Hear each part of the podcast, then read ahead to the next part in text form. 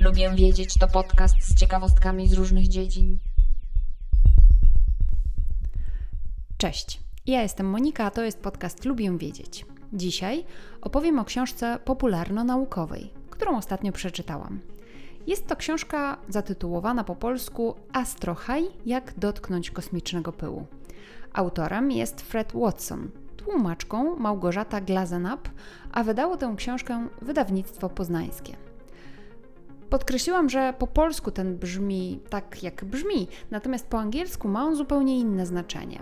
Brzmi on Cosmic Chronicles A User's Guide to Universe, czyli roboczo można by to przetłumaczyć Kosmiczne Kroniki podręcznik użytkowania kosmosu. Ten angielski tytuł troszeczkę lepiej rozumiem w kontekście samej książki, samej treści książki. Ale do brzegu. Autor Fred Watson, czyli Frederick Garnet Fred Watson, to urodzony w Anglii astronom i popularyzator nauki w Australii.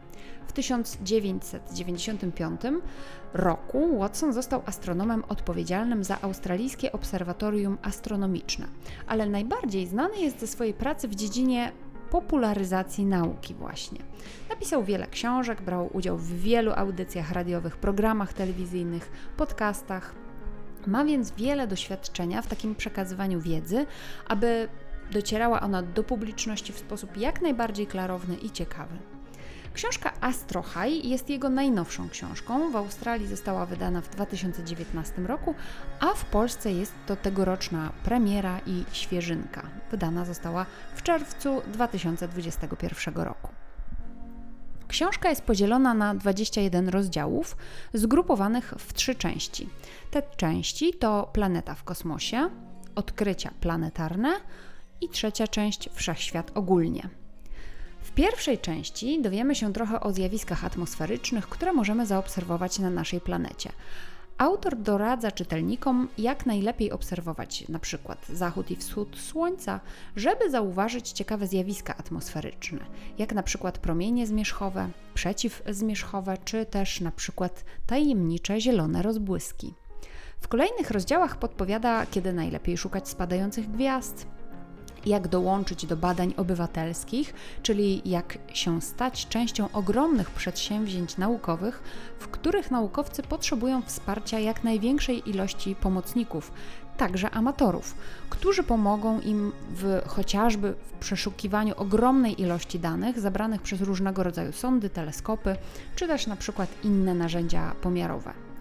Jest tu też bardzo ciekawy rozdział o prawie do własności w kosmosie. Kto tak naprawdę ma prawo do posiadania księżyca, planet, planetoid? Czy to się w ogóle opłaca i po co komu w ogóle posiadać planetoidę? Ale jest tu też o największych firmach prywatnych, które eksplorują kosmos. Ostatni rozdział w tej części opowiada o historii Księżyca, jedynego naturalnego satelity ziemskiego, skąd się wziął o różnych teoriach jego powstania, a także o badaniach próbujących dociec prawdy.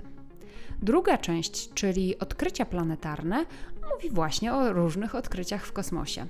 Ta część jest niezwykle ciekawa, ponieważ autor pokazuje nie tylko efekty odkryć, to znaczy co wiemy o kosmosie dzisiaj, ale też jak do nich doszło.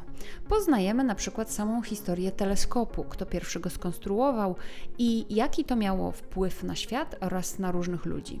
Fred Watson tłumaczy także, dlaczego naukowcy uważają, że na Marsie kiedyś była atmosfera, morza takie jak na Ziemi, skąd się wzięły pierścienie Saturna i dlaczego astronomowie nadal szukają dziewiątej planety w Układzie Słonecznym.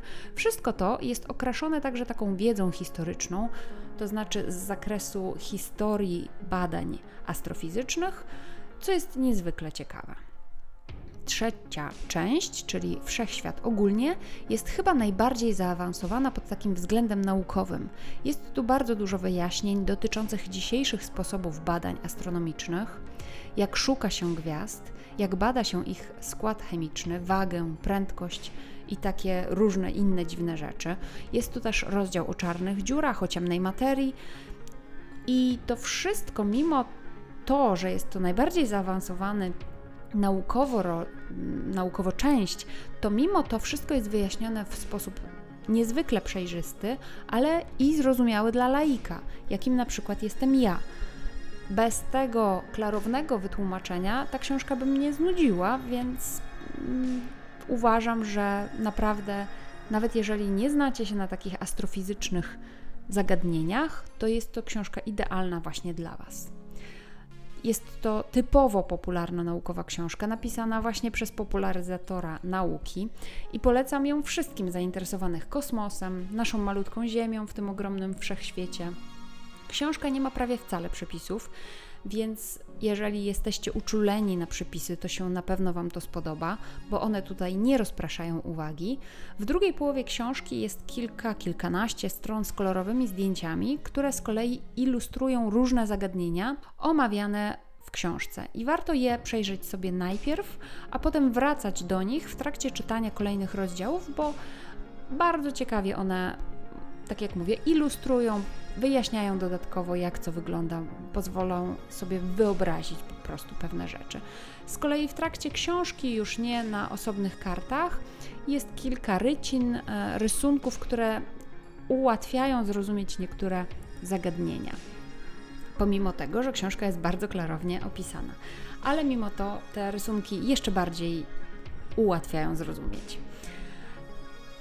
Sam link do książki zamieszczam w notatkach do tego odcinka, a tymczasem bardzo dziękuję za wysłuchanie dzisiejszego odcinka podcastu Lubię Wiedzieć.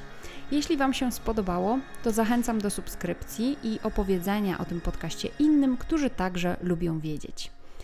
Taki szeptany marketing bardzo mi pomaga i bardzo, bardzo za niego dziękuję z góry. Zapraszam także na moje konto Instagramowe, tam zamieszczam więcej ciekawostek na co dzień. Możecie też tam skontaktować się ze mną i zaproponować temat do kolejnego odcinka. Jeśli z kolei macie ochotę posłuchać o książkach, które czytam, to zapraszam na mój drugi podcast Fiszkowa Kartoteka. Do usłyszenia, cześć!